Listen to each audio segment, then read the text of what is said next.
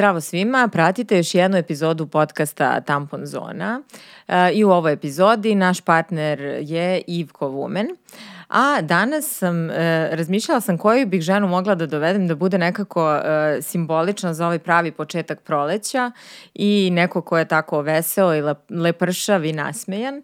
I setila sam se nje. ona je pevačica, voditeljka, ali osim što se glasno smeje, glasno peva, ona i glasno govori o nekim važnim temama. Jako mi je drago da će danas sa mnom u studiju biti Ida Prester i njena energija.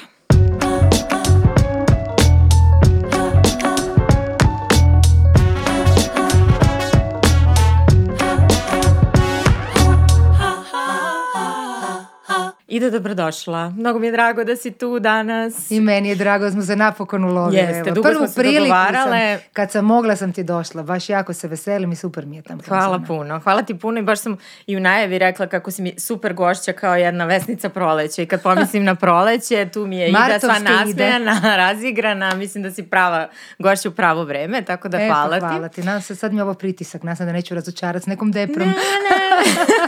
Ne, ne. ne uglavnom kao u, epizodama prođemo neke depra teme, ali na kraju nam ozebe sunce jedno, tako da tako e, ćemo, možemo i sad. Računaš, tako da nađemo neki balans. kraju jedan fade in. da, da, da. da. Uh, bio ti rođen skoro, srećan ti rođen. E, Mesec dana, je li tako? Je, nešto? je tu negdje, 22.3. Eto, da. taman, proljetno dijete. Vidjela sam da je bila žurka i u fazonu sam je. muškarci svi, ako želite svojim partnerkama ili žene da, priredite, da priredite rođensku zabavu, stavit ćemo vanijev kontakt u pa, opisu. Pa znaš šta, znaš koliko ono mi je izgledalo. Oni baš produ producent, baš se potrudio i mislim ruku na srce, on to radi radi sebe. On voli žurke, ja sam tu kao povod, kao neki izgovor, ali ti je stvarno super. Znači ja sam radila, radila, zato malo ima guilt trip. Užasno puno sam mhm. radila u Zagrebu. Ja sam došla na gotovo. Ja sam došla se sa onom haljenom srebrnom, sve sam napravila. Pojavila se. Da, jedan klub, drugi, klub, taj magični autobus koji je vozio 70 ljudi od jednog kluba do drugog, od dima do dragstera. Je, super smo se probali, tako da vani eto, svaka mu čast. Evo da ga pozdravimo na početku početku, da, da, pričamo o ženskim temama. Evo muž, neko da kaže svom mužu. Pa. ovaj, prosledit ću njegov kontakt za svoj rođendan, evo bliži se, može, ja sam 14. maja.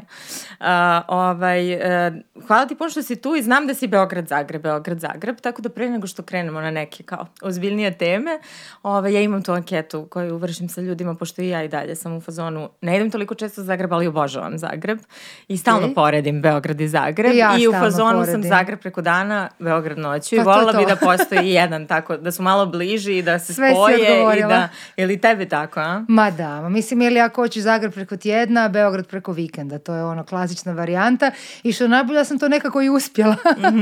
da, tako da, tako. A? Da, da, da, tako da stvarno, ono, znaš, Zagreb mi je za rad, za djecu, za odgoj, mir, sreća, veselje, parkić i zelenilo, ali stvarno dosada preko vikenda i to jednostavno nije parti grad, nikad nije ni pokušavao biti i to je meni zapravo divno, super mi je da su tako različiti i gradovi kao i ljudi treba u tom uživati. Zagreb je danas na večer, nema nikog na ulici, svjetla se polako gase, Zagreb je hmm. dosta mračan grad, znači nemamo je ovu napucanu rasvjetu. Je, jeste, utihne nekako jako, da ona žuta komunistička svjetla, ali to je takav grad, on jednostavno mi tako spavamo, malo se podružimo s prijateljima po doma, nema tu neke klubski žurki, recimo Sava, meni je bilo nevjerojatno kako mi nikako nismo iskoristili tu Savu. Mm. Vama je ono sva zabava, život je na toj rijeci, imamo Savu ko da je nemamo, nikad nikakav, je, bilo je par pokušaja nekih klubića, mm. sad nama ništa, to je samo jedan most preko kojeg prođeš do spavonice do Novog Zagreba i to ti je to.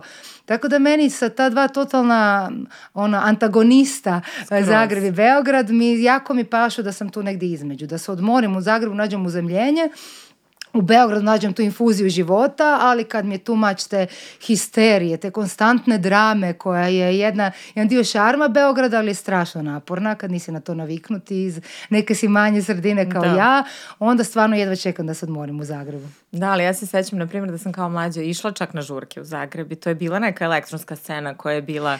Eh, pa imamo mi, da, imamo mi tih par klubića, ali s obzirom na veličinu grada stvarno nema neke mm. scene. Ne znam se ti bila, mi smo u tadašnje vreme 15-20 godina. DJ, sećam se da on dolazi, Kako ne, da I Felver je svirao sad na mom rođendanu, sve Et, to neka stara ekipa. Sirup je bio kultni klub, da. prije toga Jabuka, dobro to je bio rock and Sad su se otvorili neki novi kao što je Peti Kupe, ali svejedno je to, znaš, imaš jedno mjesto do dva mjesta na večer i nema tu, znaš, da ti izađeš van u Beogradu, ti ne ićeš prije, na mi se pogubimo, jedna kućna žurka, druga kućna žurka, jedan klub, drugi, treći, a sve to u toj nekakvoj alternativnoj tehno ekipi, hmm. tako da mogu si misliti šta bi tak bilo da slušam narodnjake. Pa ja bi čupala kosu i nokte, ne bi znala gdje bi prije. Ali u Zagrebu su cajke isto, da Zagrebu, popularni da. i veći izbor, Da slušam, da, da slušam Turbofoka, mi bi se čak i u Zagrebu dobro provela. je, je. Pogotovo te mlade generacije su svi na narodnjacima i to je tako kako. I dalje su tajke kao popularne? Jesu, jesu. Među klincima, da, među ono srednjoškolcima i među studentima. E, to se jako promijenilo odnosno na našu generaciju i evo šta da sad kukam. Ja sam sigurna, evo, to, to, to mi jednom rekao neko i to fakat je u pravu. Pa tebi će djeca sto posto slušati narodnjake. Ono, kako to misliš? Mislim, nema šanse. Pa čekaj, jedino mjesto kad oni izađu van gdje neće sres tebe i tvog muža van, ja su narodnjaci. Pa što misliš, žele ići na mjesto na rave gdje će sres svoje roditelje. Tako da ima nešto i u tome. Mi smo rock and roll generacija koja je izrodila djecu Koje slušaju ono za što su sigurni da roditelji preziru. Tako da možda bi trebala početi slušati te jece, dace, ba, dare, mare doma, da onda da se pojavljaš pa da, da, da, Tako da uvijek ti je to u kontru moraš ići. Da, da, da ja sam prvi dokumentarac za Vice koji sam snimala bio je baš kao o popularnosti turbo folka u Hrvatskoj i sećam se da je to tamo čak bila i neka vrsta undergrounda, naročito kao ako je, se slušaju kao da, srpski narodnjaci i onda sam to slušala neke priče da dolaze kao neke zvezde tipa Ceca, Jeca, ne znam da, ko još, ali da se ne o tome ne govori javno, nego se nekim... To ti je ono što je nama, nažalost, mm. bio punk, koja je mm. bila ljevičarska ideologija, to je sada turbo folk koja je ta elitističko-materialistička ideologija, koja stvarno nisam fan, ali mm. tako je kako je možda smo mi u Hrvatskoj tu pogriješili baš zato što um, turbo folk nije dostupan, ko što ti kažeš, Hrvati se toga malo srame. Znači, svi slušaju turbo folk, ali neće ti to javno reći, tog nemaš u, na nacionalnim medijima, na frekvencijama, na hrtu, ne dao bog. Znači, to je ipak ono ostalo, ipak je to jedna kako bi to rekla, aura skrivenosti i to je njima bunt protiv sistema. Ako je sistem kao klasična glazba, moš misliti, mm filharmonija, e onda će naš bunt biti srpski narodnjaci. Mm-hmm. Pogotovo ide u prilog što evo sad u par gradova su se zabranili narodnjački koncerti. Mhm.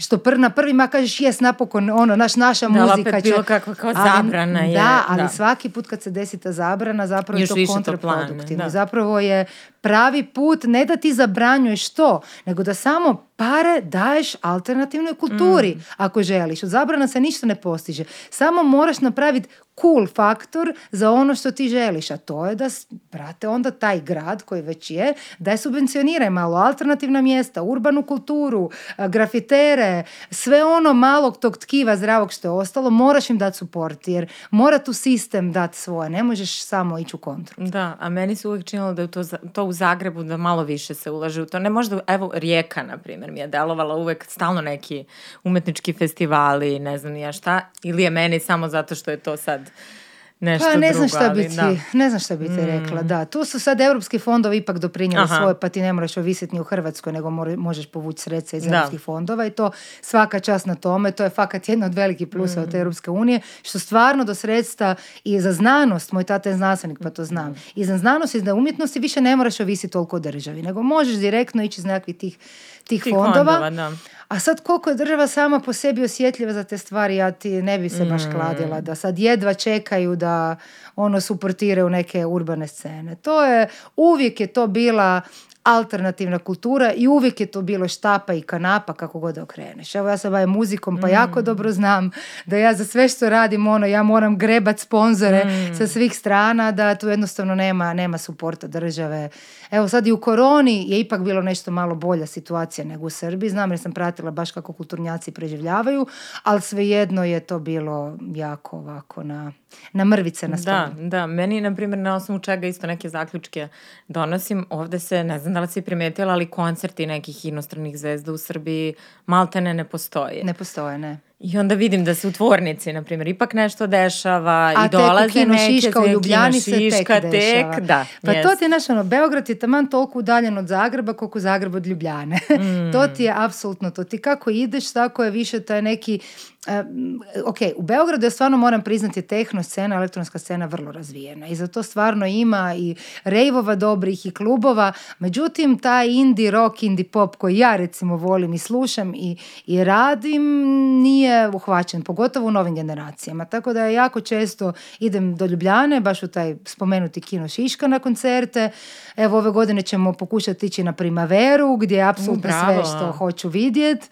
Jednostavno moraš se tako snaći. Nama je stvarno prednost što smo u Zagrebu dosta blizu. znaš, mi smo blizu i Beča i Ljubljane, imamo neke te direktne letove, tako da se tu čovjek malo, malo mora pomoći. Ali općenito Balkan kao takav, pa i Zagreb unutar njega nije baš neko mjesto gdje sad ti možeš ko ono što mi pričaju moja ekipa iz Švedske i norveške Tamo na četiri papiru napišeš neki poluprojekt, baciš to nekom od državnih fondova i oni imaju toliko love da oni ne mm. pitaju aha treba ti tu, ti bi napravio tu od neke napuštene zgrade, neki kulturni centar za mlade to se ni ne pita. Ali našim zemljama koji ipak moraju malo e, stisnut kajš i gdje političari kako se moraju dodvoravati biračima, onda ti znaš ko su tvoji birači. Znaš tvoji birači nisu urbana, urbana omladina, nego zna se ko, ko će ići za za Jeste, i mladi su baš isti, istisnuti kao ciljna grupa. Ono, to da. možeš i na osnovu medija da primetiš, ali i na osnovu toga gdje se adresiraju sredstva. I to. A ne radi se s njima i mladi su dosta anestetizirani društvenim mrežama. I mm. to je nešto što sad se mogu biti teorije zavere da je to namjerno ili slučajno, ali taj neki zdravi ljevičarski bunt je po meni kompletno ubijen društvenim mrežama i oni toliko vremena gube na klik, klik, naš, na skupljen lajko, ko ti je Ja Vidim koliko ja trenutno kao starija mhm. osoba već gubim vremena na komunikaciju sa pratiteljima, na odabir fotke, sve jako puno se pažnje polažu taj neki vanski izgled, mhm. vanštinju, nekakav PR. A mi, znaš, u moje dobi mi nismo imali ni interneta kada sam odrastala, kamo je društvenih mreža. I mi smo stvarno to vrijeme mogli posvetiti Razvijenju sebe, nekih svojih interesa. Znamo u moje doba da se jako puno pričalo među mladima, srednja škola, početak faksa, o politici, o nekim društvenim sistemima, o tome komunizam, kapitalizam, razlike. Zanimao nas je usmjerenje svijeta, gdje će to dalje ići.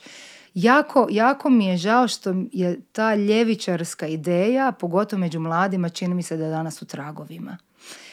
E, kako da ti kažem, ona razlika po meni između ljevice i desnice je e, što se desnica bazira na ogradama među ljudima i na isticanju različitosti i trpanjem ljude u neke torove, e, pucanje etiketa, u ograničavanje, a ljevica se bazira na ideji da se treba potencirati sličnosti među ljudima i da smo mi ono trebamo raditi na tome na nekim humanističkim povezanostima među nama i da se držimo zajedno.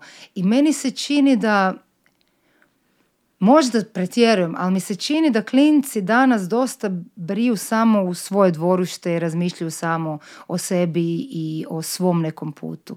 Jako malo razmišljaju o tim nekim univerzalnim idejama zajedništva. I to mi čemu drugom, o drugoj osobi, da, o planeti, o sredini u kojoj živiš. Voljela bi da, da osjetim neki bunt. Bunt prema eliti.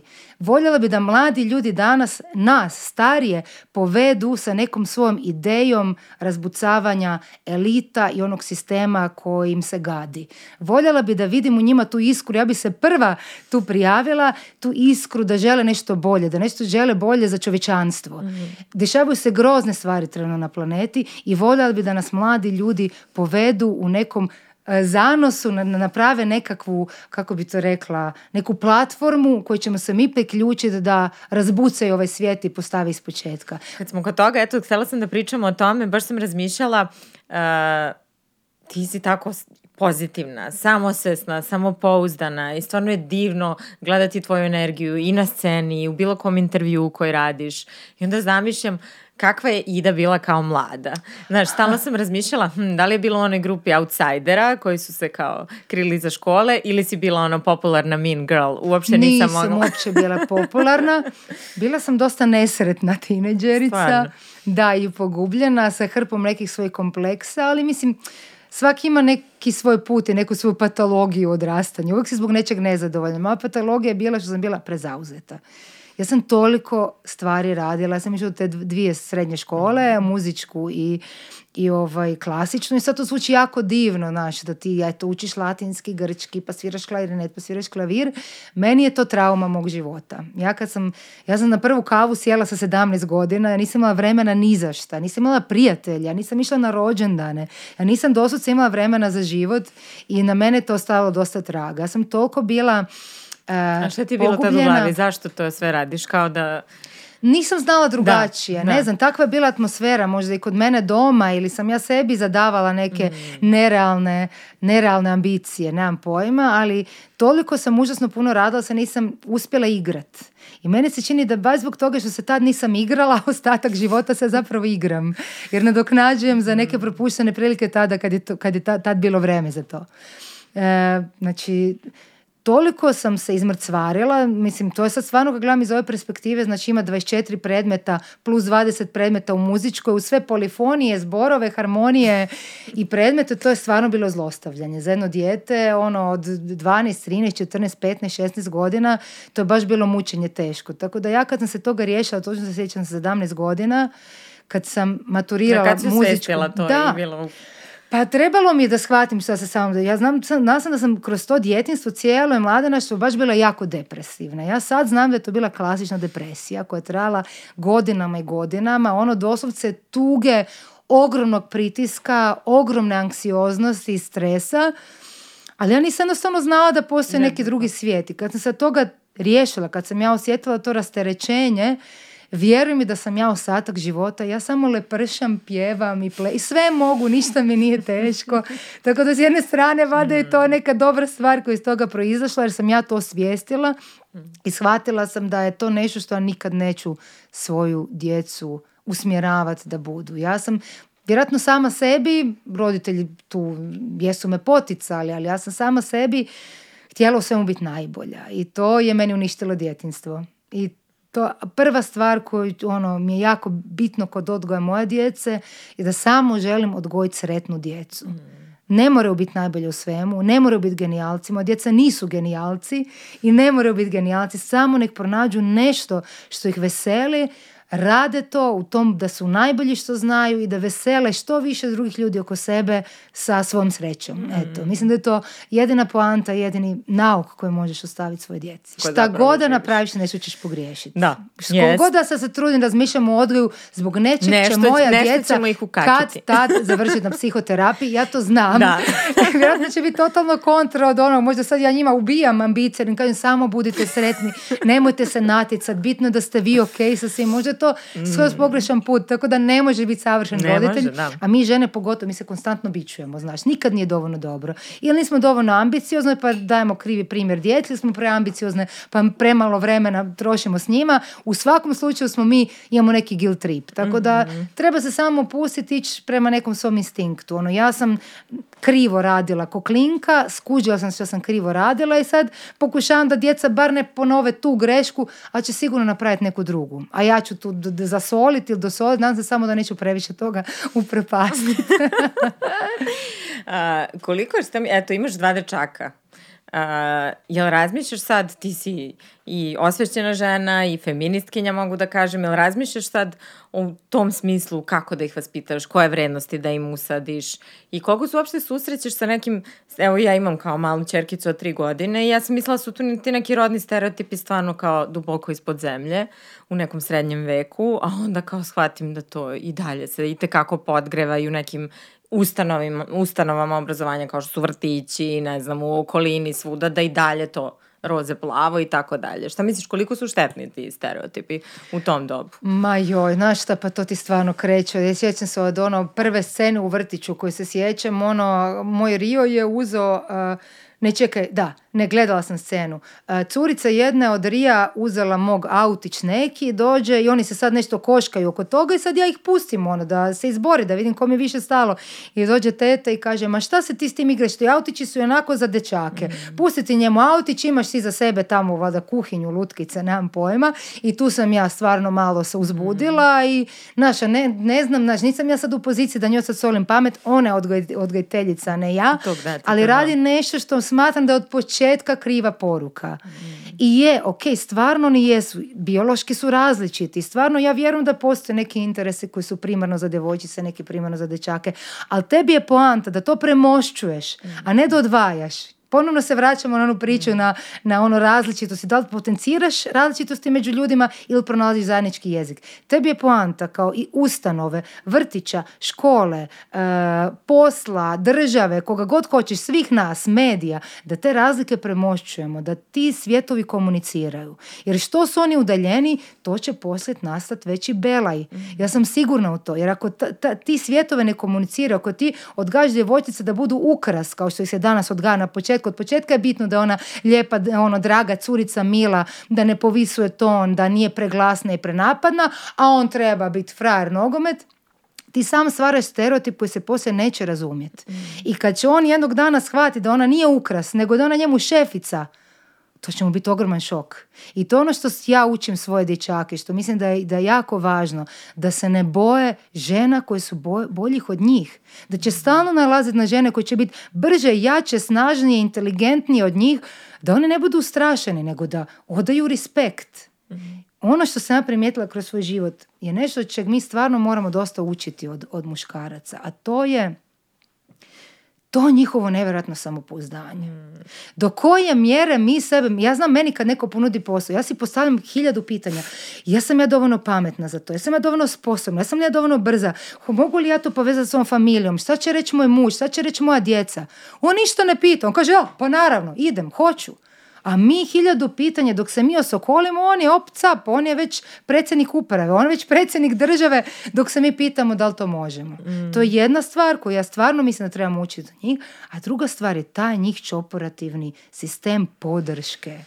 Znači oni će sve super cico maco, vidi ovo što je slatka. A kad trebaju dati nekomu napređenje, ma skoro svi muškarci će podržati muškog, muškog partnera, mm. odnosno muškog kolegu. Ja sam to milijardu puta vidjela na svojoj koži, a ono priča sa drugaricama ko, kojima pričam, to je ta stvar. Znači, mi uvijek ćemo, ajde da budemo pravedno pa da vidimo, nećemo po defaultu podržati a ne, ali oni hoće, jer oni se valjda ne osjeća ugroženo toliko od, od svog, svog kolege kao što se mi osjećamo druge žene. A to mislim da, da, je, da je naučeno. To ne može, ja odbijam da je da, produkta patrijarhata i celog sistema koji se toliko zakorio, ali da to može da se razbija. I Definitivno moramo nije prirodna na stvar, nego je nešto što je, eto, užasna posljedica celog ovog sistema i načina na koji živimo tako dugo. Tako je, tako. I to mi moramo stvarno, drage žene, raditi na tom intenzivno.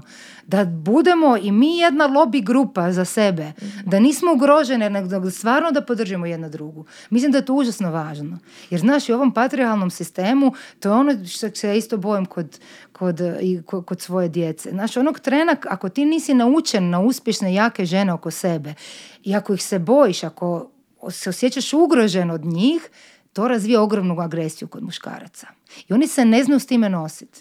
I ja znaš, ono, bar prema ovom što čitam, masu i tih e, nasilja u familija koje se dešavaju, se dešavaju kod muškaraca koji se ne znaju nositi sa jačinom svoje partnerice i one u nedostatku e, načina kako da odgovore na to posežu za agresijom jer tu znaju da su jači. Mhm. Fizički su jedino jači, verbalno ne mogu dobiti, možda ni financijski ne mogu dobiti, poslovno ne mogu dobiti. Ona ne želi više biti doma samo za štetnjakom i kuhat, mhm. nego želi nešto za sebe i oni se okreću agresiji kao nekom svom načinu. Mhm. Da i negde to je sfera gde doživljavaju da imaju i dalje moć i nadmoć. Tako je, to im je sfera da. dominacije. Mm. Tako da ja mislim da, znaš, ono, je patriarhalni sistem je nešto gdje su žrtve i žene, prvenstveno naravno žene koje dobiju batina, ali su isto tako i žrtve muškarci koji se osjećaju loše. Mm. Jer oni sami bi trebali razbijati patriarhalne stereotipe. A to se sve događa približavanjem spolova, tih svjetova. Mi nismo neprijatelji, mi nismo suparnici, mi trebamo raditi zajedno. Mi se trebamo, znaš, međusobno podržavati. Znaš, ono, ja vidim na, na mojim koncertima. Nema muškaraca. Na koncertima Možda muških da bendova... da li, da li se promijenila situacija u posljednje vrijeme ili ne. Ne, to je žensko pismo, ti muškarce ne zanima. Mm. Šta će oni slušati u nekom menstruaciju, u nekoj tampon zoni? Znaš, a mm. na muškim koncertima ima žena podjednaka kao i muškaraca. Naša priča njima nije zanimljiva. Da. A mi smo došli tamo da poslušamo njihovo. Ono, dečki, nije fair. Da, i mi slušamo to, Posvetite njihov vizuru priča znaš, i kroz Tako istoriju i kroz bilo šta, a njima je naše nešto outsidersko i nešto potpuno marginalno. Što da, kao, da, da. Ne zanimaju ih jednostavno te da. teme. Sad se setila kad si pričala o tom poslovnom, poslovnom okruženju i koliko nama treba da tražimo povišicu, da ne znam nije šta sve. E, čitala sam neko istraživanje i baš sam se trgnula onako, koliko žene govore izvini kad je to nepotrebno. Znaš, izvinjavaš se u svakoj ono nekoj mm. situaciji, izvini što ne znam, nisam da, da, bukvalno to. I onda kao, ma ja ovo ne radim sigurno, ja sam svesna toga, ja se ne izvinjavam. I šta uradim? Uđem u svoj Gmail, ukucam reč izvini meni skoro svaki peti mail se izvini, ali potpuno bez razloga. Ja ne znam zašto se ja izvinjavam, ali kao izvinite što vam šaljem mail dan kasnije ili izvinite što vam ovo. Već oh my ono, god, znaš ono, znaš, nađeno 250 izvini. Ja o ne, ovo moram da menjam. Ali znači, to je ti to, si sorry znaš, neverovatno, da, da, ali sve to radimo da, zato što mislimo ne bi da nešto nekom stao na put. Da, nekom da. koji je možda više zaslužio tebe, pa to ti je to. A se ne ono izvinjavaju, oni grabe. Da, kad sam htjela da tražim prvu povišicu.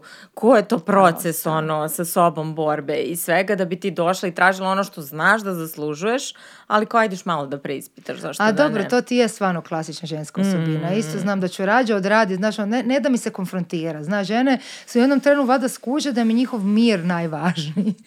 I onda ja na, za račun tog mira da sad, sad ne bi nešto prepucavala, gnjavila, ma boli me briga za 100 eura više manje, samo da ja ne, dođem u neugodnu mm. situaciju. Tako da ta neratobornost naša, to je nešto što bi trebalo inspirirati muškarce, ali zapravo mi izvučemo kraći kraj. Da, i mi ćemo morati da budemo ratnice na kraju, ali ono što mi je zanimljivo sad što si rekla, to približavanje zapravo. I mnogi tu žensku borbu gledaju kao na e, borbu samo za žene, a ne za boljitak celog društva. I slušala sam si pričala jednom da je tebi jako, kad pričaš o aktivizmu i na društvenim mrežama i bilo gde, da ti je važan taj narativ i taj storytelling, što ti stvarno imaš dobar, kako da predstaviš nešto i če, čemu se ja baš divim, a to je da ističeš te neke primere dobre prakse, da ne, se ne, ne protiraš Da, da, koliko je važno i na koji način je tebi važno da to radiš? Pa, na šta, ja sam shvatila da ljudi emotivno puno bolje e, mogu ući u bit problema nego da njima nešto solim pamet i kritiziram. Ja sam ono, na početku svoje karijere bila buntovna kao mala pankerica. Šta, zašto vi ne dolazite na gay pride? Znaš, ono, doslovce, znaš, ono, ljudima, a ljudi ne vole, pogotovo na Balkanu, kad ti njima nešto kenjaš. Mm. Ne vole da se ti u poziciji, ti njih nešto edukuješ nego jednostavno neke stvari koje su tebi važne jednostavno moraš komunicirati na drugi način. Moraš komunicirati na način da se one to mogu prepoznati. Tako je. I to nije ništa loše. Mhm. Jednostavno uči se komunicirati. Ja učim cijeli život. To nije neka glupa, to nije prodavanje laži, nego to je prodavanje istine. Mm. Znači, samo stvari zapakiraš na drugi način. Ja sad imam puno bolji feedback nego što sam ga imala prije, dok sam se ljutila na ljude jer kako oni mogu ne razumjeti, ne znam, prava Roma, whatever. Ali sad kad im daš neki plastični primjer, kad im pokažeš nešto što sam stvarno doživjela, što nije nešto izmišljeno, nego stvarno moj neki doživlje koji je proživljen, puno lakše mogu se identificirati sa nekim generalnim problemom i vidjeti abstraktne stvari bolje nego kad im dociraš ono eks katedra i pravi se pametan. Tako Jeste, da... i kad koristiš jezik, ono nekih, zato i ja, meni je isto misija da dođem do što većeg broja ljudi, jer sve dok kao cupkaš u mestu sa istomišljenicima, istomišljenicama pa i je. tapšemo se po ramenu, jednom drugom kao razmenjujemo neka mišljenja, opet treba to da ode dalje i da A preneseš tu neku misiju na nekog.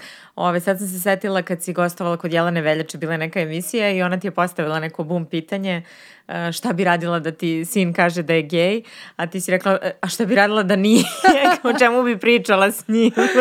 pa da, je, sad mi je to baš neočekivo. Ja sam bila sigurna ću dobiti curice. Ja sam već imala kompletan mm. alat pripremljen za djevojčicu, da joj prenesem sav svoj weltschmerz i ono iskustva mene kao žene što me definira da stvorimo ono malu samosvjesnu feministicu koja će hrabro koračati kroz ovaj grubi svijet i mene totalno šokiralo što sam dobila prvo jednog dečka pa drugog dečka šta sad ali to je jedan skroz novi svemir. Stvarno je skroz novi svemir u kojem sam naučila uživati iako nisam na to bila spremna i otkrivam neke nove ljepote i to je sasvim drugi set problema. I tu ima problema, ali totalno su drugačije nego sa, nego sa djevojčicama. Tako da, eto, upoznajemo se, pokušavam od njih ne očekivati nešto što, bi možda očekivalo od djevojčica. Oni stvarno su puno jednostavniji, ali to ima svoju ljepotu. Ono, puno manje tu ima manipulacije, jednostavno puno ti s njima možeš ih izvrdat lakše nego curice koje eto to, toliko grandiozno jako stari, to, toliko su brže, uspješnije, jače na početku života, onda vada u pubertetu nas uvjere da mi ne možemo, da se mislim mora... da tu taj sistem gdje, obrazovni dosta to radi, desi? znaš, i fakulteti, i srednje škole, gdje ti poletiš i kao znaš šta te interesuje, i onda jednom kao da, da ih uspore, znaš, jer imamo znaš i taj broj žena koji upisuju neke fakultete, ali pri izlasku i onda na tržištu rada potpuno neka druga situacija. Ja tu mislim nešto... da ti između ostalog nas u jako, jako, jako usporava ta naša obsesija našim izgledom, mm. fizičkim izgledom. Mm. Ja mislim da mi tu gubimo 50% vremena na takve gluposti. Ja sam toliko ljuta i na sebe mm. i na sve nas. Niko nas ne tjera na to. Mi smo same sve tu, svaka dlakica mora biti na svom mjestu. Niko to od nas ne traži. Pa jedan, jedne godine u, ono, u modi ekstra slim, ono heroin šik, druge godine se pati što nemaš guzicu kod Jennifer Lopez. Znači mi to sami sebi namećemo. Kod da sami sebe radimo žrtvu. I tu mi zaostanemo, znaš, to je takva, to je isto jedna posebna tema, ali ova obsesija anti-agem, bolesna u zadnjih godina, to tko da je smišljan plan da se te jadne djevojčice na žene uspori ono 20 godina iza u odnosu na one što bi trebale biti i dok mi razmišljamo ono kako biti preljepe, kako njemu biti preljepe, oni hop cup dođu na mjesto nekog generalnog direktora i ne možeš ih više stići. Jer oni se ne proispituju što su čelavi, debeli, dlakavi, mm. whatever. Oni samo kažu yes, yes, I can do it. Jeste, tako mislim da... da... sa tim baš sad, vidjela sam da je skoro, da li je Francuska sad donala zakon da ne smiju da se reklamiraju više, mislim, klinike za estetsku hirurgiju na Instagramu ili Stvarno? tako nešto. Da, nešto se kao dešava. Pa mislim da, znaš, polako se locira koliki je to problem i koliko uzelo maha. To što ti kažeš, ja koja, na primjer, sebe smatram osvešćenom i vrlo opreznom i kao ne, ne, to mene ne dotiče imam trenutke kad se zamislim, budem u fazonu, ok, čekaj, je li to neka sad nova kozmetika koju ja ne pratim, možda bi ipak trebalo malo. Evo, čak i ovakve možda ne, ne, pa to... Ali toliko je postalo... To je, to je, ne, ja kad vidim naša bizarna... I onaj tvoj post je bio baš dobar za TikTok, onaj kad se pojavio onaj filter bolt type ili kako se zove, koji te kao potpuno... Ono- je, znači, totalno vidiš ti neku ženu koja, znači, nema veze s tobom, ali vjerojatno se za neke pare može postići. Znači, to sam ja, samo neka upgradena verzija mene za 30 tisuća eura, ne znam koliko koštuju te operacije i ti skužiš da ti je to bitka koju nikad nećeš moći dobiti. Uvijek ćeš nešto, jednom kad kreneš, to je kompletna renovacija, mm. non stop, to je takvo uzimanje para. Znači nisam ja, naravno, ni protiv kozmetike, ni protiv, ni operacija. Ne, je to Ali ta obsesija, kad ja vidim te djevojčice od 16, 17, 18 godina koji se kreću ubrzavati botoks, kao spriječe prve znakove starenja. Pa gdje smo mi sa 17-18 godina smo znali da starenje postoji. Ako se ti već sada opterećuješ, ono, pa šta ćeš raditi sljedećih 80 godina svog života? To nije normalno. To ljudi stvarno nije normalno. Mi moramo nešto napraviti protiv toga. Takva fiksacija, to je put u nesreću. Jer mi sami sebi kopamo jamu. Cijelo čovječanstvo. Znači, svi starimo. Znači, bit ćemo sve nesretni. Umjesto si gradiš ono status starosti kao nečeg poželjnog, kao nekog iskustva, kao ono, wow, vidi, gospodinja od 90 godina, šta nam sve ona može ispričati, šta je ona sve prošla u životu, ti radiš paranoju već od 25. godine. Znači, ti sam sebi gradiš da si ti sve nesretni iz godine u godinu. Pa koliko smo glupi? Koliko smo glupi? Ne, znači, ne možeš tome pobjeći. Ti starosti ne možeš pobjeći, ma da se sav ono izbodeš ko Madonna, nema ono starenje, jedan prirodan proces koji moramo prigrliti. Naravno da ćemo biti njegovane, naravno da ćemo eksperimentirati, stavljati make-up i whatever. Ali ne možeš dobiti tu bitku. Samo možeš biti nesretan do kraja života. Meni je sad posebno strašno što to izgleda kao neka vrsta nove prirodnosti se reklamira. Znaš, to više sad nije ni toliko kao vidljivo, nego kao neka prirodno lepa žena i reklamira nisu Prirodne. Mislim, stvarno je otišlo. I okej mi je da neko ako hoće, ako će lepše se osjećati da uradi nešto, to je Malo, potpuno ovo, u redu, ne, ali ovo je, je Da. Ovo nije, mislim, naravno imam ja i svoje drugarice koje su operirale sve i svašta. Nije mm. ovo priča protiv operacije, ovo je priča protiv psihoze ljudi. Znači ja pogledam ženske časopise danas, ja stvarno to pratim i vidim ogromnu razliku pet godina unazad i sada. Znači svaka reklama je neki anti-age. Znači mi smo opsjednuti petrificiranjem mladosti. Bore će presad postojat kao činjenica. Znači ti ćeš vidjeti ono hollywoodske glumce sve izborane. Evo sad ne znam, vidim ono od, od Urbana, ovaj Urban naš pjevač, e, glazbenik, ima ovoga veliki koncert u areni. Normalna slika normalnog čovjeka sa dubokim borem gorama i svi jao što je divan. Ti više ne možeš naći ženu staru 40 godina ako nije kompletno isfotošopiran to bore je sramota. Kao što smo se uvjerili da su dlake sramota, mhm. sad su jedan put bore sramota i ti ćeš za 20 godina imat žene kompletno naš ono spone gdje se to ne smije vidjeti. Koliko je to tužno. Koliko je, i sa esetskog stanovišta. Uniformisanosti, to izgledati. Da, da kad vidim onu ženu da se reklamira kao ono paradigma ljepota, ona neka iz Katara, ona cijela, kao pa nije to ljepota, to stvarno nije ljepota. Ono, ljepota je osmijeh, ljepota je sjaj i, i te sitne borice koje pričaju priče o svim tim super stvarima koje si vidio, osjetio, probao. Pa to je ljepota, nije ljepota ovo sa 80 godina. Ono, čem, čem to služi?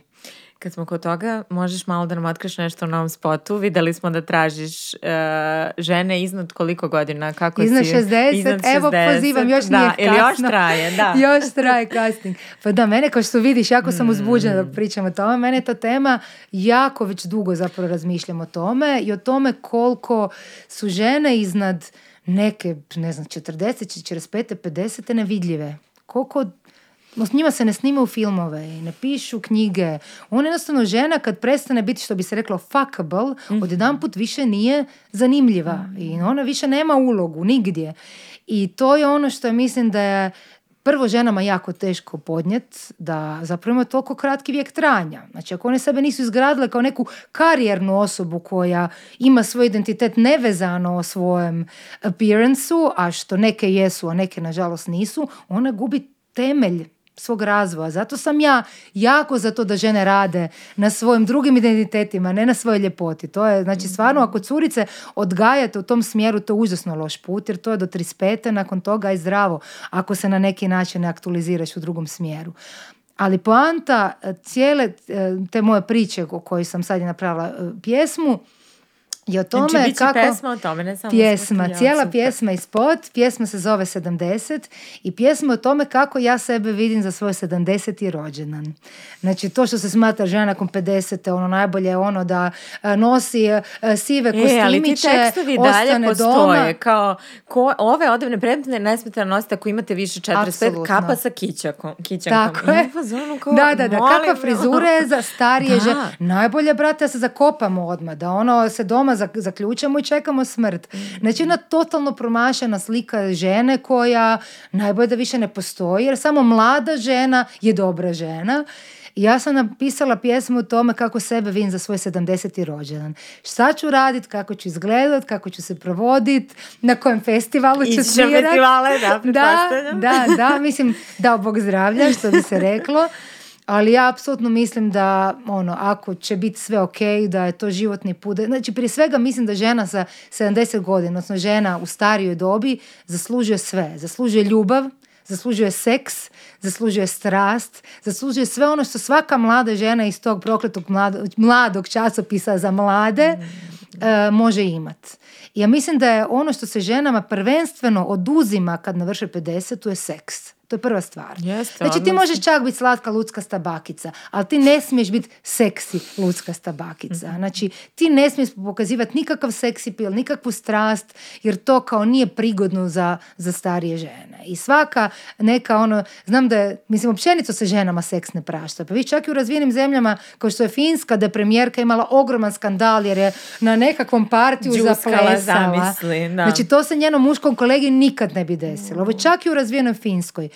Tako da eto, ja sam napravila pjesmu o tome da svaka žena i u najstarijoj dobi ima pravo prvenstveno na sekst, na strast, na poljupce, na uživanje u svim osjetilima, da nam to niko ne može uzeti i želim u tom spotu angažirati upravo takve žene. Znači žene koje mi imponiraju, starije žene, žene koje još imaju ono, naše ono strast u očima, kojima oči blistaju i kojima sve na njima blista zapravo i koje su paradigma ono kakve bi svi trebali biti.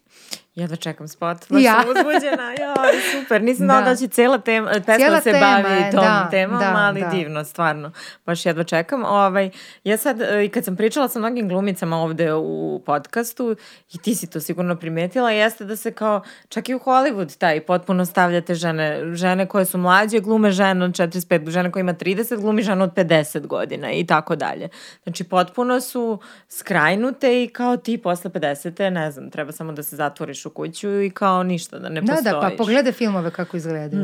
Ko mm. glumi u filmovima da je stari 45 godina? Mm. Ok, ima jedna Kate Blanchett, jedna Helen Mirren, ima ih još možda par, mm. na doslovce 100 tisuća muškaraca koji glume, jer jednostavno industrija je na tome. Znači, mlade, preljepe kokice koje su svake sezone, vi na svakim Oscarima nova plejada i ono, stari bardovi koji, koji mogu sve. Ali kažem ti, nije to samo da je sad to ovo kritika muškaraca. Oni mm. žive život najbolje što znaju. Pogledaj kako izgledaju muški časopisi, kako udovoljiti sebi na hiljadu jedan način.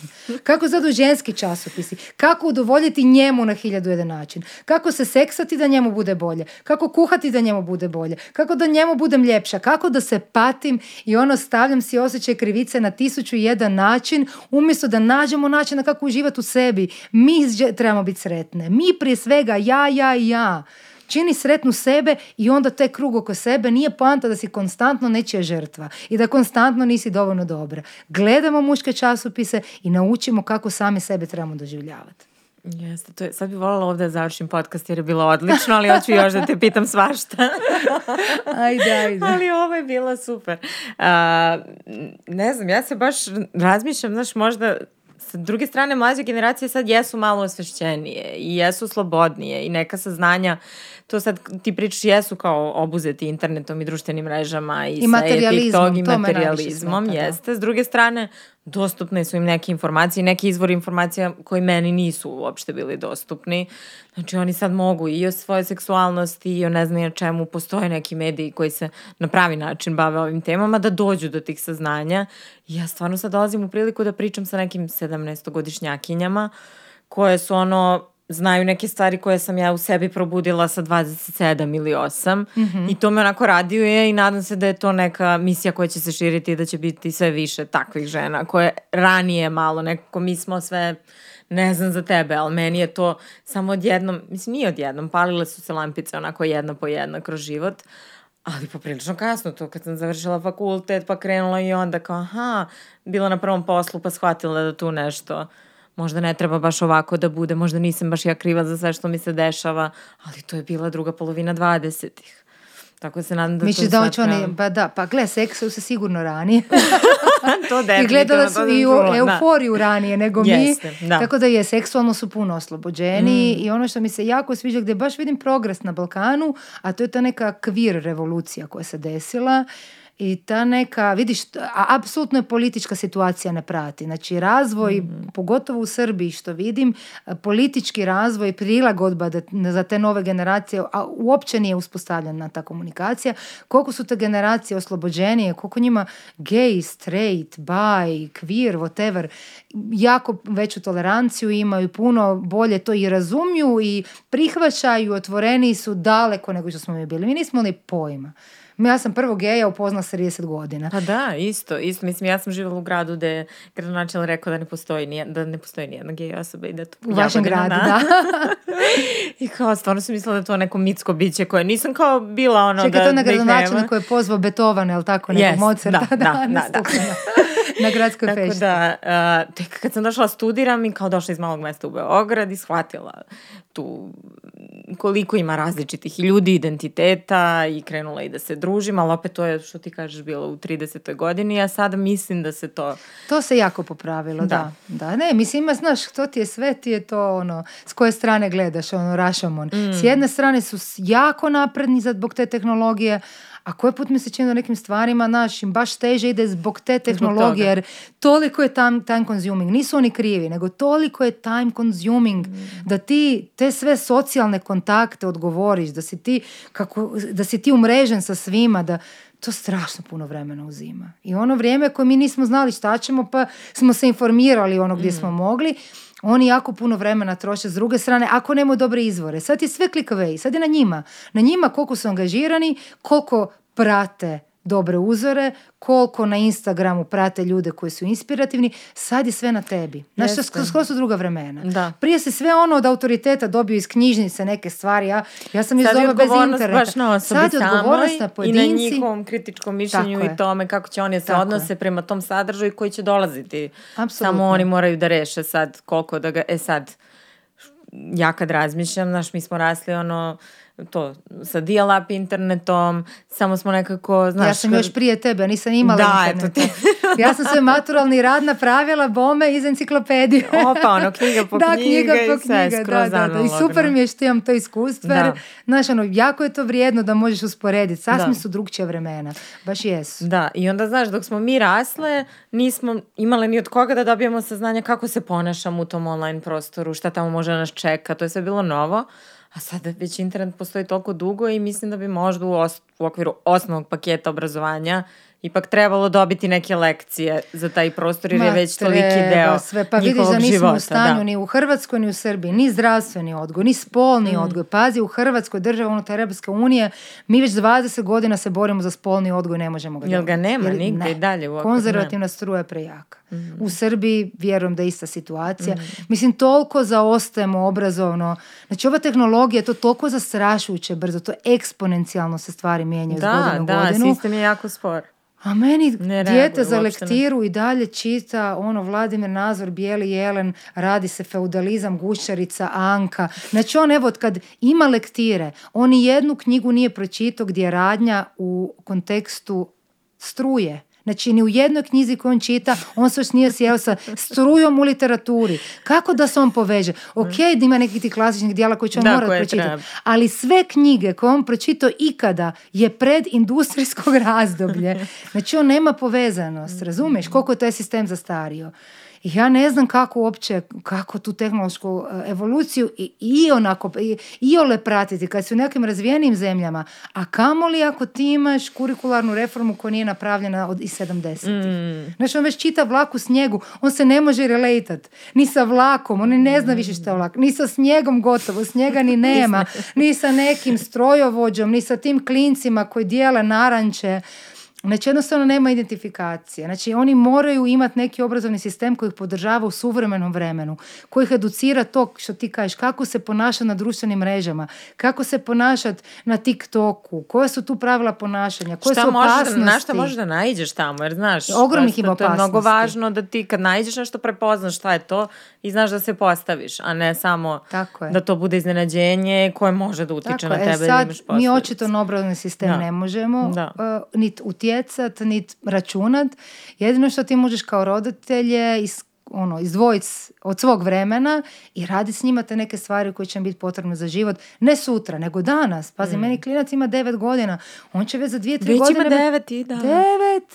Treći osnovne. Znači, to je mali čovjek. Mm. On će za godinu, dvije, tri biti na društvenom mreži. On će ostaviti trag koji će biti neizbrisiv. Znači, jednog traga kad te nešto napišeš na internetu, to je gotova stvar, to ti mm. više niko ne može. Znači, on mora, ima ogromnu odgovornost koju on uopće nije svjestan. Naš, oni u školi, naš uče, ono, ono, u feudalizmu, kmetovi, ok, trebaš Treba i to znati, ali imaš jako opasan novi sistem u koji ima skroz druga pravila ponašanja na koje ti uopće ni u jednom trenutku ne obrađuješ. Tako da sve je na nama roditeljima, mm. ogroman teret. Vidjet ćeš, tek ti kreće. Ne, već sam ono, mislim ja već sad i u vrtiću, znaš, to primećujem te neke obrazce koje mi se uopšte ne sviđaju. Mislila sam da su prevaziđeni, znaš, od toga da za priredbu ovi roze, ovi plavo i kao okej, okay, to sad sve smatraš nekim banalnim stvarima. Ma nije to ništa Ali opet nisu, znaš, onda Zarja dođe i kaže ajde da se igramo, ti si, ja sam princeza, ti si princ i ti me spaseš. Da. Kao možeš samo sebe da spasiš? Ne, budi princ. da. I ti onda šta ćeš, mači idemo. idemo u A dobro, tako ja samo nogome igram sa svojima. Ja sam se nadala da ću isto tako imat neku onu malu djevojčicu koju ću mm. ja sad nam pokazivati pa muška roba i na koncu igram nogomet od jutra do mraka, ali vidiš to ti isto sve inducirano. Mm. Znači moja djeca su nesportski tipovi. Znači 100%, znaš, sam sigurna rastem s njima, odnosno mm. gledam ih. Znači oni su od svjetskog nogometnog prvenstva izludili. Oni jednostavno toliko je ta medijska kampanja bila jaka da su oni shvatili da ko nije dobar nogometaš ne treba ni da živi.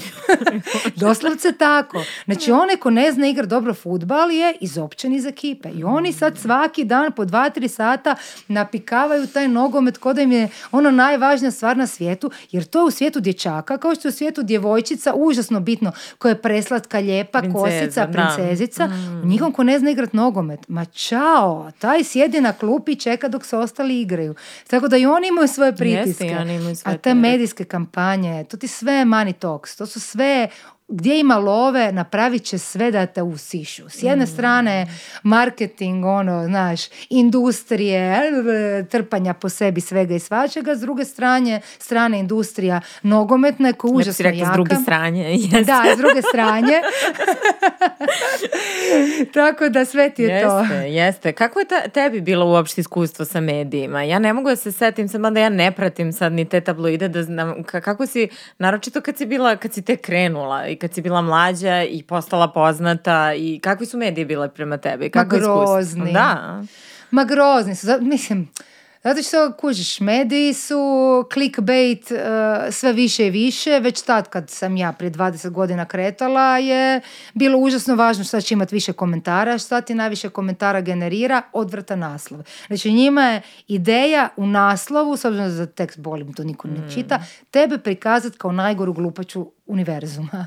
I onda doslovce ti rade nekakvu genetski inženjering tvojih izjava, spajaju, izvlači iz konteksta, da ti spadneš najveći debil mogući i da bi onda mogli, mogli iz toga izvući ono hrpetinu e, mizoginih, odurnih komentara. Svi znamo da je ono Balkan, ono mizogina, sredina par excellence, dakle to nije bilo teško. Tako da svega sam se nadoživljavala, ali sam se isto tako i naučila biti oprezna i kom šta dajem ove stvari o kojima danas pričam, mm. na taj način sigurno ne bi pričala na nekoj televizijskoj običnoj emisiji mm. ili na nekom drugom časopisu. ono ne možeš. Meni je užasno žao, ja me trebalo 20 godina da skapiram da ne možeš. Meni je bilo, ma šta, ja imam svoje mišljenje, imam ja pravo svoje mišljenje. Ne možeš stara. Ne možeš, ako se baviš javnim poslom, moraš znat kom pričaš. Jer napraviš problem ne samo sebi, nego i ideji ko jo zastopaš. Ker to tako krivo se izokrene se onda na koncu oni kojima želiš pomoć na koncu ona im napraviš ono medveđu uslugu tako da sam se ja tu malo smirila ali na početku mi je bilo grozno jer sam jako mlada ušla u to sa ono 20 godina niko sa mnom nije radio ja sam bila po prirodi užasno naivna naš ono, meni moja frendica ova s kojom, druga voditeljica koja jako pazi na svaku riječ, kaže da sam ja ono djete retarda, ja što ono umu, to na drumu, uopće nam nikakvu barijeru, ali sam se bome naučila na vlasti Mm. također nakon par jako gadnih iskustava da se ipak mora malo obuzdati, samo zapakirati stvari drugčije, ne reći uvijek sve, da prestanem komentirati dnevno političke teme. Ja sam još prije deset godina, znači šta god da se, a, ja, dje, odmah na Facebooku i ovi jedva dočekaju šta i da preser se opet prosrala i oni, da, i onda sam dobija baš sam neugodnih situacija imala tako da sad se klonim tih komentara dnevno političkih, ali eto. ti se dešava ono što vidim kad su celebrity u pitanju je da čak ti ne moraš ni da daješ izjave, nego jednostavno je dovoljno da oni iskopaju neku sliku sa Instagrama tvoju, da nešto napišu oni neku svoju priču, objave, Ma, stavaju neki kontekst i tako pa, dalje. Pa znaš onu priču, onu slavnu priču sa mojim sisama od prije dvije godine, ne, ne znaš što. ne. Moje najslavnije sise Balkana. Ne znam za to. Kak ne?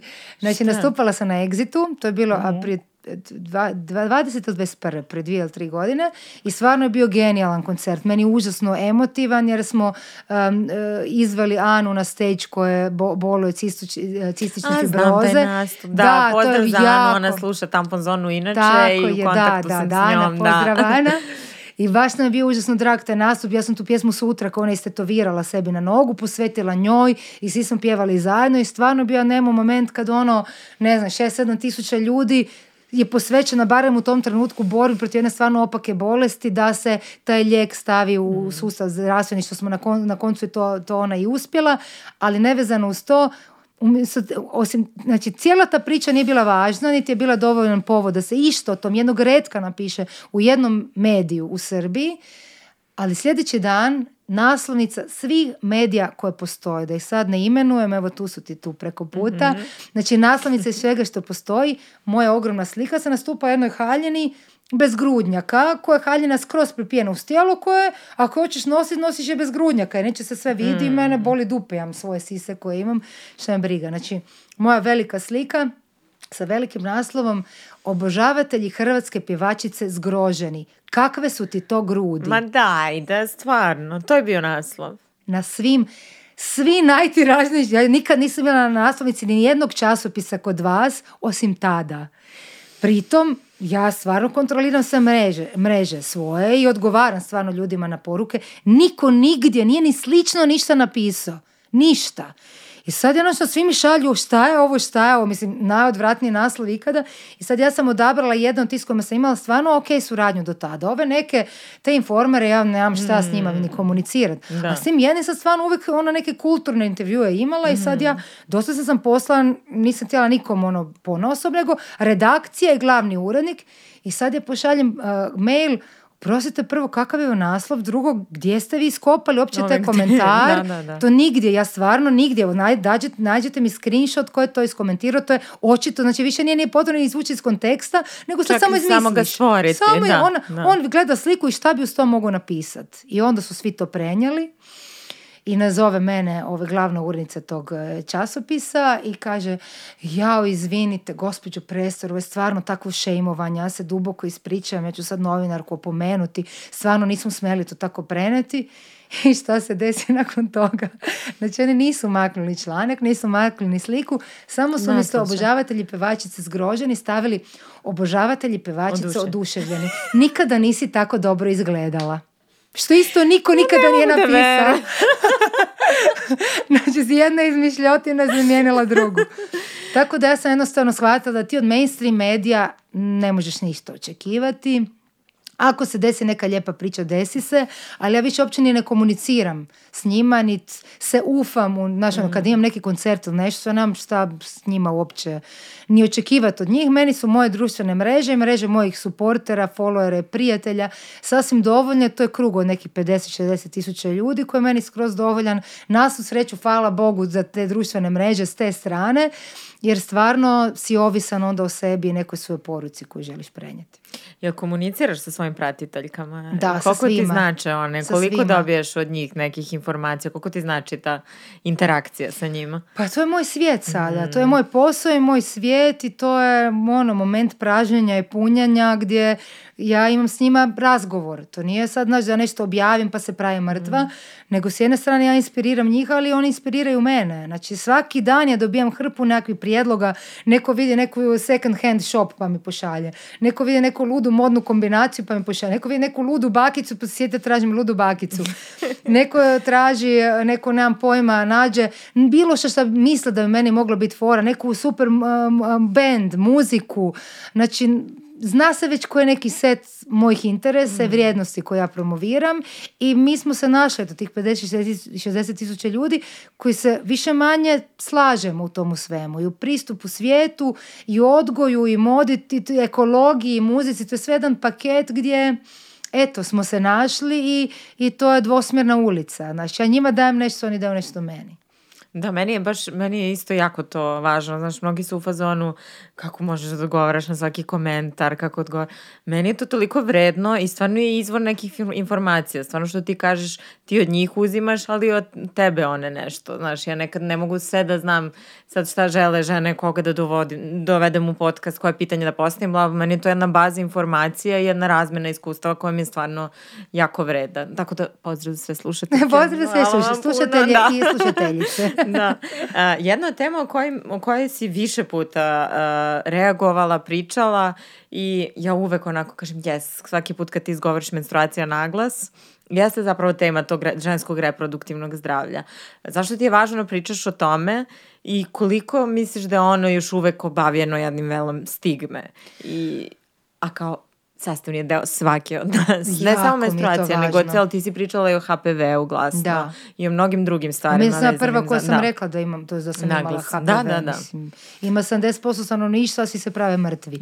A upravo radi toga se stvarno dolazi do pravih smrti, zato što mhm. žene to ni ne znaju koliko je to opasno, koliko se mora redovito papa testovima kontrolirati, jer 70% nas ga ima, a HPV je taj koji je stvarno odlučujući ja sam imala nisam znala šta je kad sam dobila diagnozu znaš. I onda sad kad, kad izgovoriš glasno i ja sam, i ja sam, i ja sam. Da, da, to ti je mi tu pokret. Da, da, da, da, da. Meni je bilo strašno kad sam radila onu kampanju za e, pregled dojki. Mhm. Strašna mi je bila činjenica koju mi je jedan doktor rekao da najveći broj žena mu dolaze u najkasnijem stadiju e, nakon što su svjesne već godinama da imaju nešto ali zbog iznimnog straha od reakcije okoline oni to drže za sebe i ne znam, nadaju se nekom izlječenju, pomilovanju, čudu s neba koji se ne događa. I to je najporažavajuća činjenica. Da oni znaju da imaju i možda su nešto i napipale, vidle ili me nešto iscurilo, ali oni iz straha, paziti to, od straha, od reakcije okoline se ne žele liječiti. Jer je rak, tumor, bolest je neka riječ koja je sramna i oni ne žele da ih ljudi gledaju na taj način. I toliko im je važno što ljudi misle o njima da sebe otjere u grob. Mm. To je bolesno. To, je nešto o čem trebamo pričati svaki dan. Alo žene, ispljuskati Šta vas briga ko šta kaže? Nek se nosi k vragu i taj muž koji će vas ostaviti. A ja znam da ima tih primjera koliko god hoćeš. jako puno. Muževi koji stavljaju svoje žene jer se ne mogu nositi njihovom boleću. Ma nek se nosi odmah. Nek se preventivno nosi. Recimo, mu sad da imaš rak i ako nemaš, samo da vidiš šta će on napraviti. Ako ti tu nije podrška, onda ti nije bio nikad podrška. Mm. ostavi ga k vragu i ono, držat ćemo se jedna, jedna jedna s drugom, razumeš? Ima, ima suporta, ima psiholoških grupa. Jako puno tome, o tome se sad pogotovo zadnjih godina radi. Znači ima načina gdje ćeš ti naći podršku ako nemaš u vlastitoj familiji, naći ćeš u drugim ženama i u drugim muškarcima koji su spremni pomoći. Ima divnih ljudi sa svih strana, ali ne, najgore je biti u zamci loših odnosa koji te na koncu koštaju života. Meni je to strašno. To, to je prva tema koja me jako iznervirala. Mm i koja me motivirala da, da što više o tom pričam.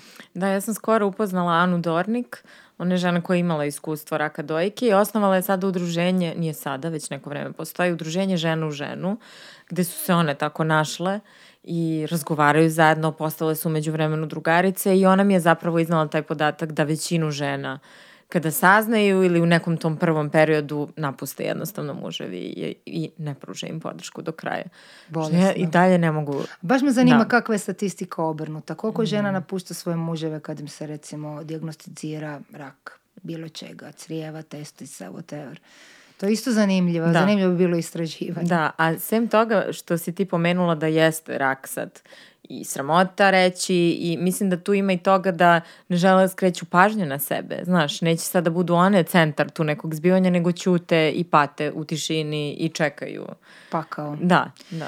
Me, mislim, Tako gleda, da ne mislim da generalno ženskom zdravlju stvarno treba o svakom tom segmentu pričati koji put si, Koji put si pitaš koliko to sve ima efekta? Ono, koliko mhm. ti ono što ti kažeš pričaš u svom eho rumu? Mm Znaš, koliko ti pričaš Znaš, ono, ja pričam svojim followerkama koje mi se čini da same po sebi su već osviještene, da njima ni, ni ne treba neka podrška. A opet, kad se napravila taj video samo pregleda, mi se javilo, evo, već sigurno dvadesetak žena kojima je taj video spasio život.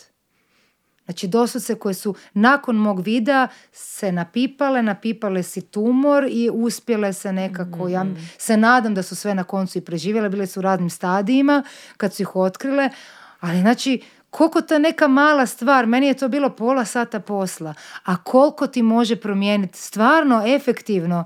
Znaš, ona jedna pjesma može se svidjeti, ne svidjeti, nekom stvarno, evo divno mi što se neki tetoviraju sa tim stihovima, što im pomogne da ono prožive dan. Ali ovo je spasit nekom život, a to je tebi pola sata posla. Pa zašto više to? Zašto sve te e, žene sa javne scene, da ih sad ne imenujem, zašto sve one ne iskoriste svoje divne grudi i prirodne i neprirodne, nije bitno kakve, koje slikaju milijardu poza u bikinijima, bez bikinija, te guze, šta to ne iskoriste to tijelo da na, taj način pošalju neku poruku? Pa ja bi stvarno to voljela, ne zbog toga što sam ja sad to napravila, pa ajde si, ali ja, ja djelom u jednom krugu, ima puno drugih krugova, ima puno utjecanijih žena, ima žena koje prate milijone, milijoni, pa dajte iskoristite tu priliku da ste vidljive, da pomognete drugim ženama. Jeste, a mislim da i mnogim tim ženama koje imaju ogromne grupe i pratilaca i sve, da same čak nisu ni osvestile, znaš, i da je njima i dalje sramota da izgovore glasno da, ne znam, treba ići kod ginekologa ili smatruju nešto to duboko ličnim ili ne znam čime. Znači, uvek je taj, to naše zdravlje da. nešto da, tijelo može biti samo biti prikazano u poziciji erotike. Mhm. Ali kad ti staviš tijelo u poziciji medicine ili neke bolesti, kad to tijelo prestane biti seksi, tu se žene, pogotovo žene u javnom svijetu, pogube. A totalno bez razloga.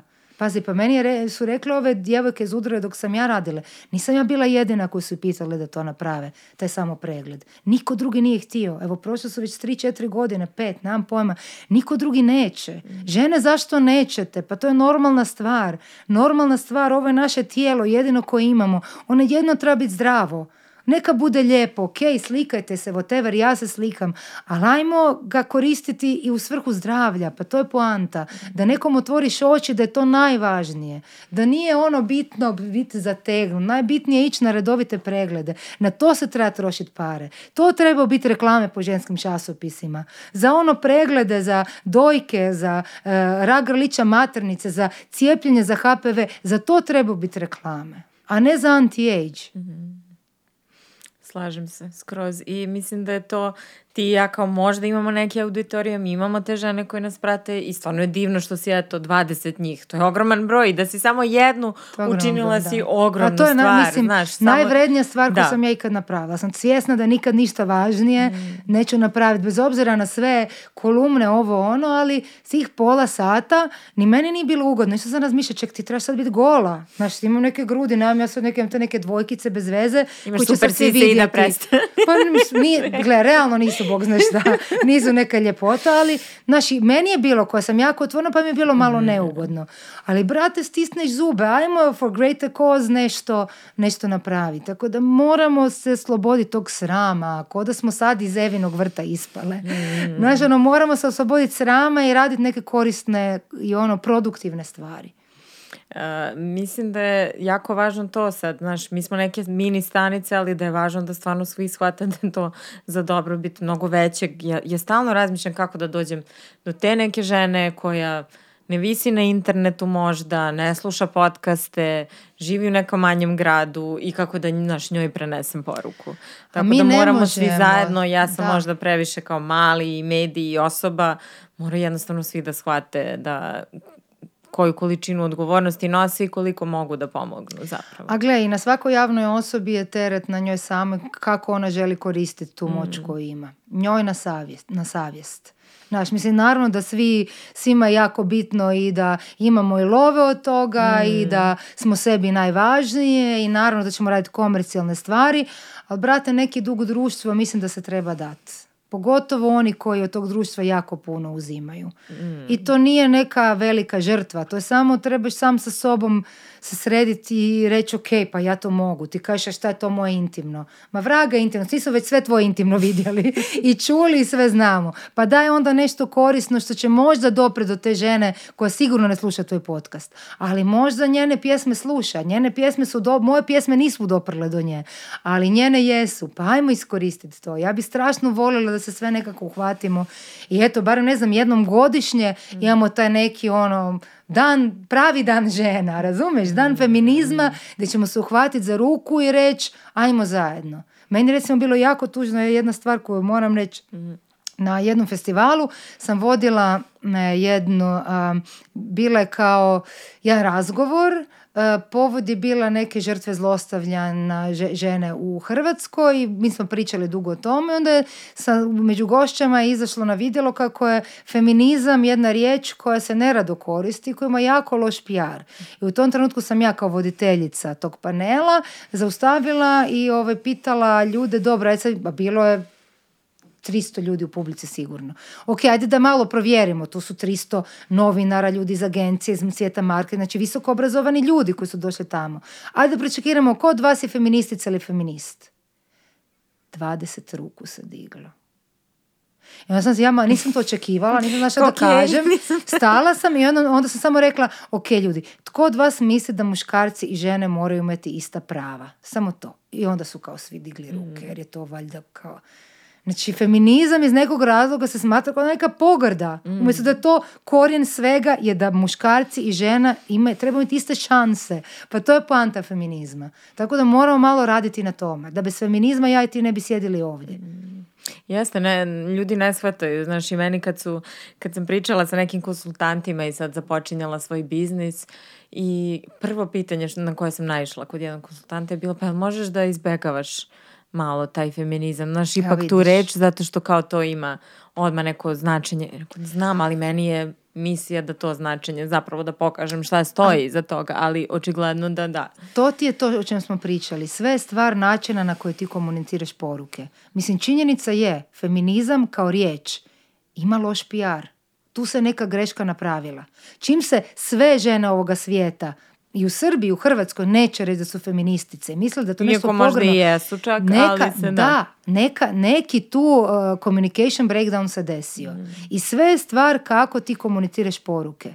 I mi kao feministice moramo pripaziti na koji način te poruke poruke prenosimo i da li se žene kojima mi pričamo s tim mogu identificirati, da li se mogu uhvatiti, da li dopremo do njihovog srca, da li oni razmišljaju u srce u tom trenutku, da ih srce okrene i shvate da je to zajednička borba, to je na nama i mi smo krivi ako to ne uspije. Mm, jesi ne ilazila na neke komentare nerazumevanja kad se baviš tim angažovanim temama?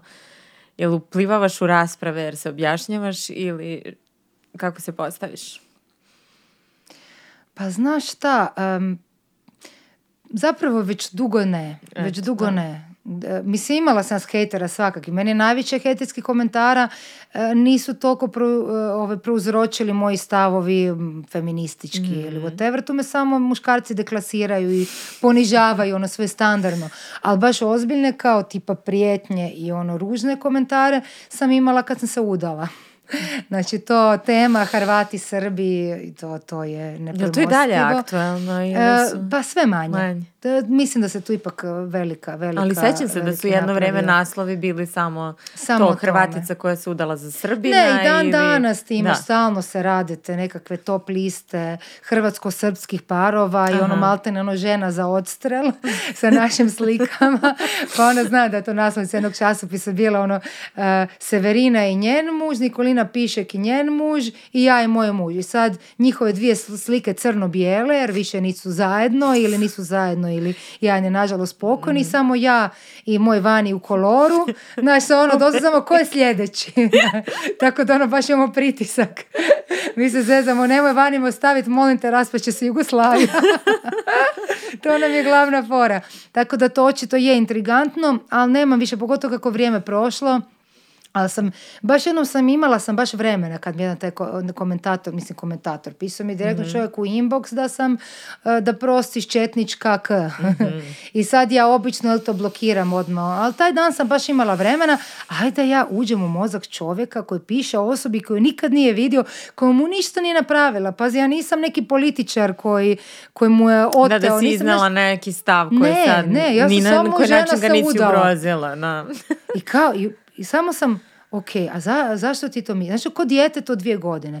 Ti si namjerno izdala hrvatski narod, ti si iz inata hrvatskom narodu se udala za Srbina. Znam, ko djetetu a čekaj šta, misliš da nije moguće da sam se ja samo zaljubila. Mislim, smiješno se zvuči. Kad a, to mislim da na tom nivou jedino i možeš da, objasniš nekom nešto. I on kao malo pomalo počne spuštat gard da bi na kraju cijele te diskusije bilo e sad sam ti pogledao ono fotografije pa zapravo ti uopće kao nisi loša mogli bi se mi naći jedan dan na kavi.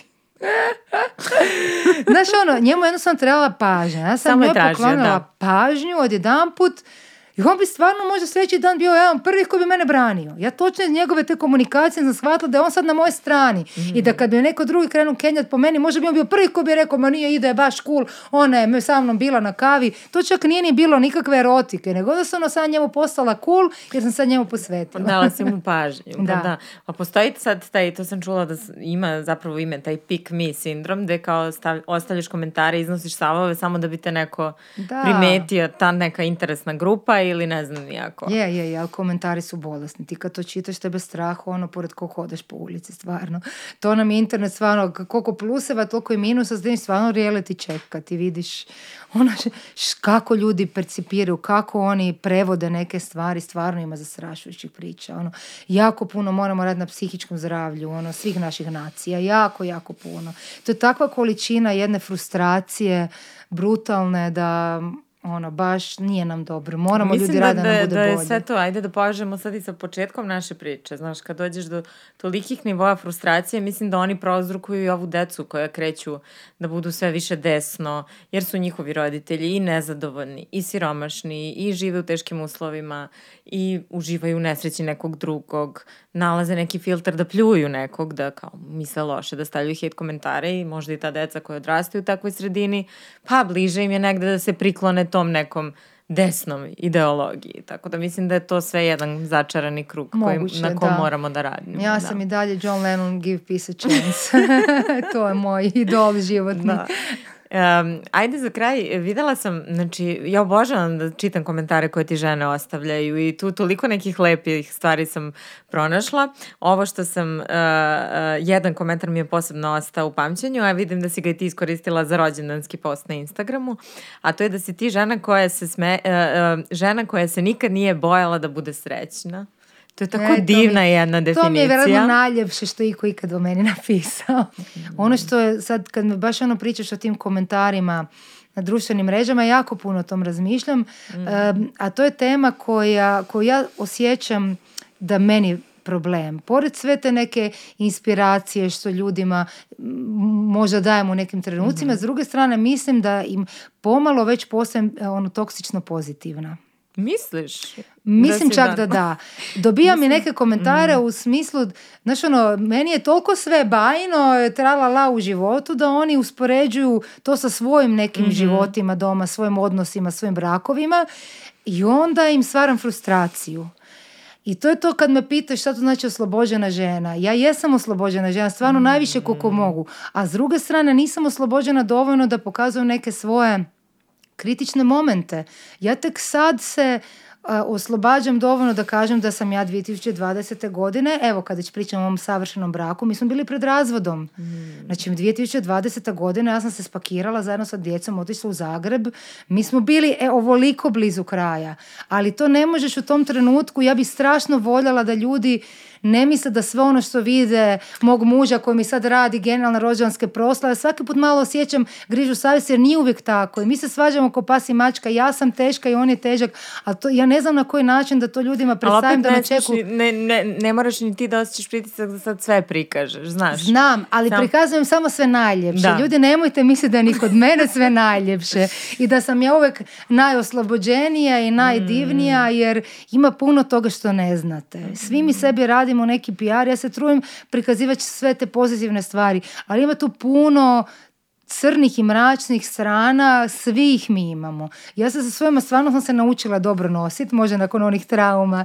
još iz djetinjstva što sam ti pričala. Mm. Ja stvarno psihički mi se čini da sam uspjela se nositi, ali svima mi imamo neke svoje terete. I o tim teretima je lijepo da se priča. Ja bi sad i voljela, evo i kad je prošla, ne možeš mm. pričati baš kad si za vrijeme razvoda, pred razvodom o razvodu. Ali mm. bi voljela sad i pričati o toj situaciji kad stvarno smo ja i moj savršeni muž, kako to ispada na društvenim mrežama zaboravili da se volimo i kad smo stvarno mislili da je to to, da smo se prestali voliti, jer smo prestali biti muž i žena. Mhm. Tako da, eto, to ja mislim da je isto jedna tema, da ne smijemo ni sve prikazivati u savršenim ono, Benetton bojama. Jeste, ali nego da... ti sad osjećaš pritisak, evo mislim da je dovoljno što si sad e, i dovoljno i hrabro je progovoriti uopšte o tako nekim stvarima i sebi ih izgovoriti naglas za početak, znaš. Pa je, mislim, sve moje prijateljice sve znaju, mhm. ali... E, baš to u zadnje vreme baš teret. Ali otvoreno zapravo o svim stvarima. Evo, da. ja sam u februaru snimala taj neki serijal o ljubavi i htjela da to sad bude neki kao ljubavni serijalčić, da ćemo otvoreno da pričamo o ljubavi. Ispostavilo se da stvarno je jedno od najgledanijih epizoda i nešto što je ljudima trebalo, a samo smo pričale realno, znaš, ono, ne deset stvari kako da ga zavedeš ili ne znam, te neke banalizacije. Da nego o ljubavi kao jednoj vrsti rada, znaš, gde moraju da se Absolutno. zasuču rukavi i na koji način se to radi, koliko je... Da, koliko je zapravo, koliko su ljudi skloni da, ovde i nekoj bračnoj psihoterapiji, preispitivanju nekih obrazaca, koliko je ta zapravo Mi smo baš kultura isto, mm. znaš, nas otuđila i... Mi se uvek zaljubimo u potencijal.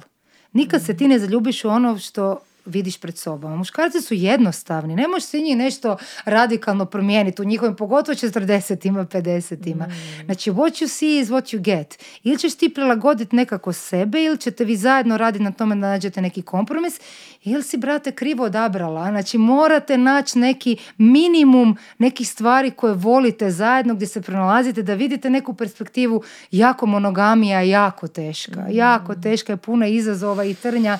Ja to isto jako dobro znam. Ali žene uvijek nekako vide, vidi, on ima tu natruhu, ja znam da će on to, samo da ga ja, ovo i on će. Nemoj se zaljubiti u neku svoju sliku, neku svoju mm. projekciju.